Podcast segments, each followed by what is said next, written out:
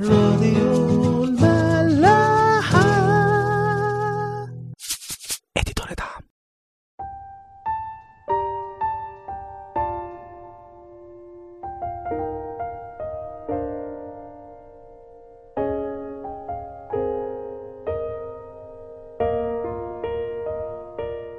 مساء الخير واهلا بيكم في حلقة جديدة من عيش وملح. شفنا آخر مرة معجزة شفاء نعمان رئيس جيش أرام من البرص بتاعه. نعمان كان وصل لأليشع ومعاه الجنود بتاعته العبيد بتوعه وصل عند باب بيت أليشع. بس أليشع ما طلعش استقبله زي ما كان متوقع إنما بعت له مرسال يقول له إن هو يروح يغطس في الأردن سبع مرات وهو هيشفى. نعمان كان عنده طبعا حتة كبرياء كده ففي الأول اتغاظ جدا من رد فعل أليشع وقال هو ليه ما يطلعش بنفسه ويصلي لي ويحط إيده على اماكن البرص؟ فيشفيني. يعني إيه أغطس في الأردن؟ إحنا عندنا نهرين أحسن من الأردن 100 مرة. وقرر إن هو يرجع بيته وهو متغاظ جدا. عبيده لما شافوا اللي حصل قالوا له طب يعني أنت لو كان النبي طلب منك حاجة كبيرة مش كنت هتعملها؟ خليك ورا كلامه وجربه مش هتخسر حاجة. وفعلا نعمان بيقتنع وبيعمل كده. وطبعا أول ما بيغطس السبع مرات بيتشفي من مرضه وجسمه بيرجع كأنه عيل صغير. مفهوش أي غلطة. وكنا اتكلمنا بقى إن ورا كل مرض جسدي بيبقى دايما في مرض روحي ربنا عايز يشفينا منه أو حاجة عايز يحمينا منها ايا كان يعني. وفي حالة نعمان كان مرضه الروحي هو الكبرياء ده. فأول ما تواضع وسلم لكلام أليشع راح المرض الروحي فبالتالي راح المرض الجسدي. هيعمل إيه بقى نعمان بعد كده؟ خلونا نكمل.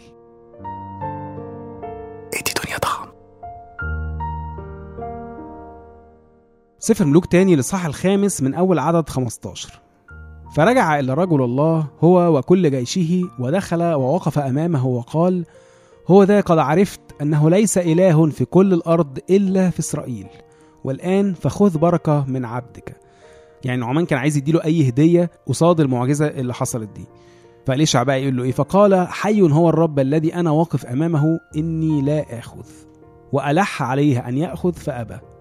أليشع رفض تماما ياخد أي حاجة. بنلاحظ بقى الفرق دلوقتي في تعامل نعمان. بنشوف بقى بجد إزاي إن هو اتشفى من المرض الروحي اللي كان عنده واللي كان أهم بالنسبة لربنا. لو ناخد بالنا في أول مرة جه بجيشه وكان متخيل إن اليشع هيتعامل معاه على حسب سلطانه وعلى حسب دماغه اللي هو كان متخيله هيحصل.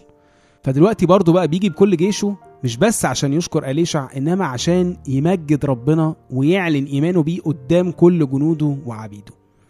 واللي يشوف أصلا خريطة إسرائيل في الوقت ده هيعرف إن هو عشان يروح الأردن ويعدي على السامرة تاني ده ما كانش طريقه وهو مروح أرام. لا ده رجع مخصوص مسافة مش قليلة يعني عشان يشكر أليشع ويعلن إيمانه ده قصاد كل الناس.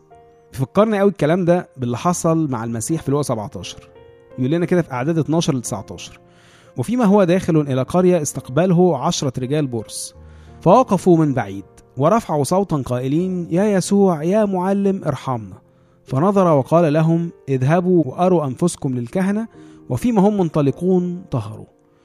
فواحد منهم لما رأى أنه شفي رجع يمجد الله بصوت عظيم. برضه رجع من طريقه عشان يمجد ربنا ويشكر المسيح يقول لنا وخر على وجهه عند رجليه شاكرا له وكان سامريا. كمان ما كانش يهودي يعني. فأجاب يسوع وقال أليس العشرة قد طهروا؟ فأين التسعة؟ ألم يوجد من يرجع ليعطي مجدا لله غير هذا الغريب الجنس؟ ثم قال له قم وامضي إيمانك خلصك. نفهم من كده إيه؟ إن الشكر وإعلان المجد لربنا هو من صميم الإيمان. والإيمان بس هو اللي بيخلص مش الشفاء. وعشان كده المسيح كان زعلان. هل عشان يعني كان عايزهم يشكروه وهم ما شكروهوش؟ لا طبعا. إنما عشان ده الوحيد اللي إيمانه خلصه. التسعة الباقيين اتشافوا بالجسد بس إيمانهم فضل زي ما هو. وهي دي الحاجة اللي ما بناخدش بالنا منها في معظم التجارب اللي بنعدي بيها.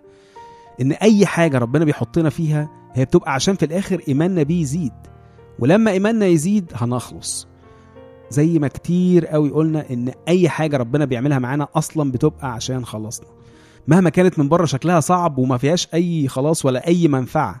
عشان كده لازم نركز قوي إن بعد أي تجربة ما تخلص لازم نكون طلعنا بحاجة جديدة بدرس جديد وبإيمان جديد. وإلا يبقى كل اللي عدينا بيه ده كان على الفاضي. والمسيح هيحزن علينا برضو زي ما حزن على التسعة اللي ما رجعوش شكروه وإدوا المجد لربنا. راديو ملاحة.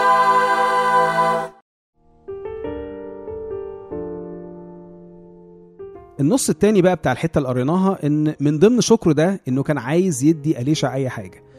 ومع إن ده كان شيء طبيعي عند اليهود إن النبي أو أي حد مكرس لربنا إنه ياخد عطايا من الناس لأنه هيعيش منين؟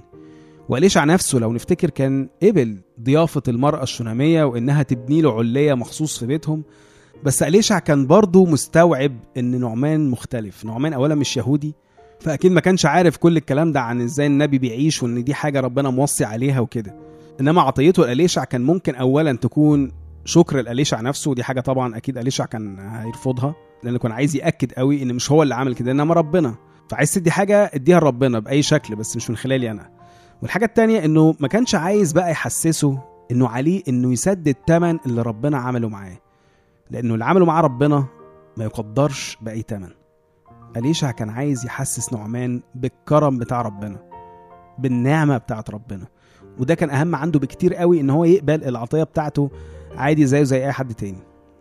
فبالروح كده عرف إنه مش المفروض ياخد حاجة من نعمان إنما يسيبه يمشي وهو بيمجد ربنا وحاسس بكرمه ده بدون أي مقابل منه.